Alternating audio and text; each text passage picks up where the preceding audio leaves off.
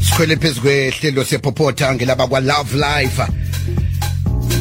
Into ebuhlungu ukuthi lokhu kuliqiniso elingaphikiswako. Amadoda awayitshetshi begodwa awayiyeleli impilo yawo. Rhubhululo ke liveza ukuthi mathathu emadodeni amahlanu azihlolisako qobe eminyaka begodu-ke angaphezudlwana nje kwe-40 amadoda achinga kudorhotera namkha emtholapilo lokha nawazizwa ngasuthi kunento engalungiko empilweni zawo.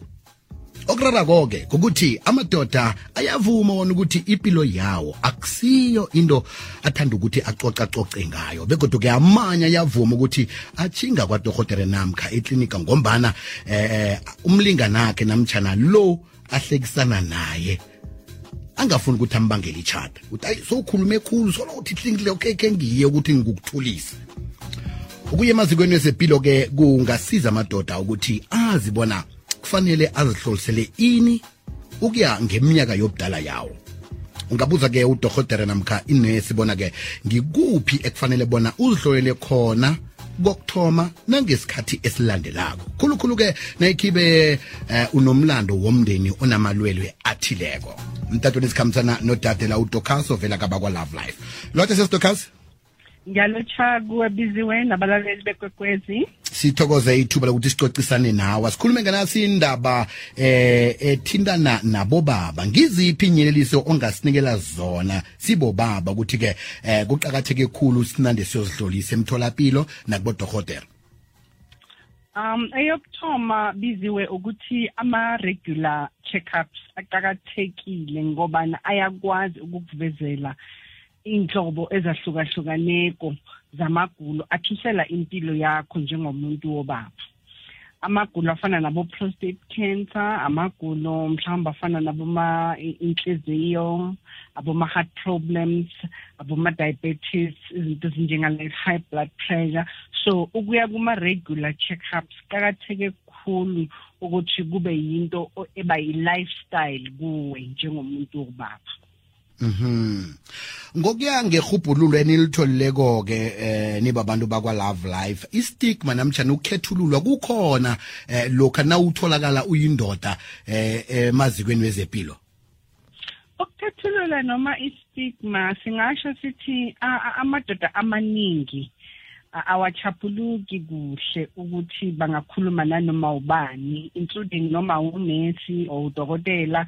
It's worse if there is a gender difference there because mangabe uyigender e-opposite eh yoma akachapuluki at all. Omunye azancamele ngisho ukubuyela emuva without even saying ukuthi ubekade ezele ukuzoyenza i-check up eyiphi and nanokuthi-ke there was a, a story ku-newsletter ye-men's clinic where I read something bathi abanye abantu babo bamadoda basaba nanokuthi yena lo dokotela wendoda sometimes umbuka nge-judgment uyamjaja you know there's that mm. judgment.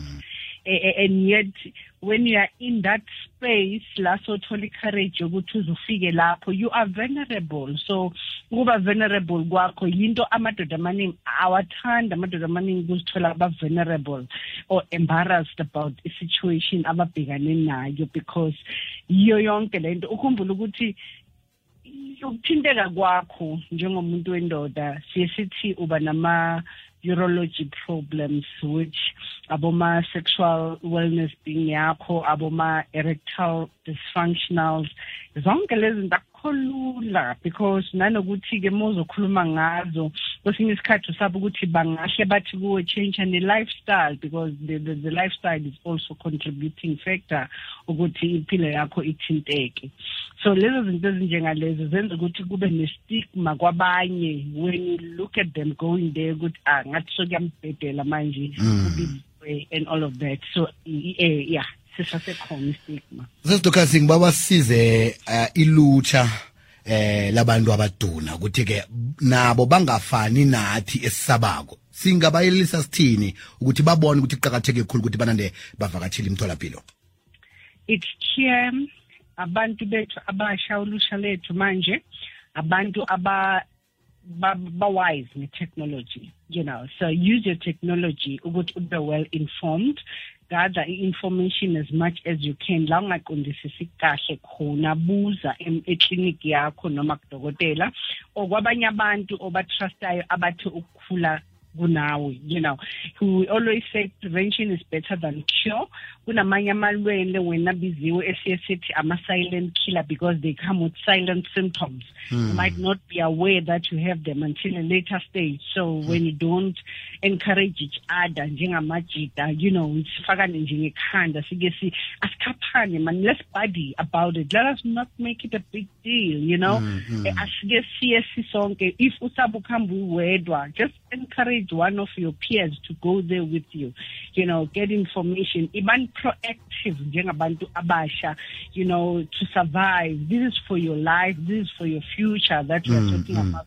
Learn from the best learn from uh, uh, uh, your, your your fathers your brothers who didn't do this but today they, they are suffering. Ngento as simple like prostate cancer. A prostate cancer it can be detected easily simple by a physical exam. Mm. doesn't have ukuthi siyimele ukuthi ifike kulawo ma stages. So learn from the best. Do what you can you can do as ama-buddies as peers. That is ulwazi esifuna ukuthi nibe nalo today. Sesidoka ngibawa banithinde banithola njani?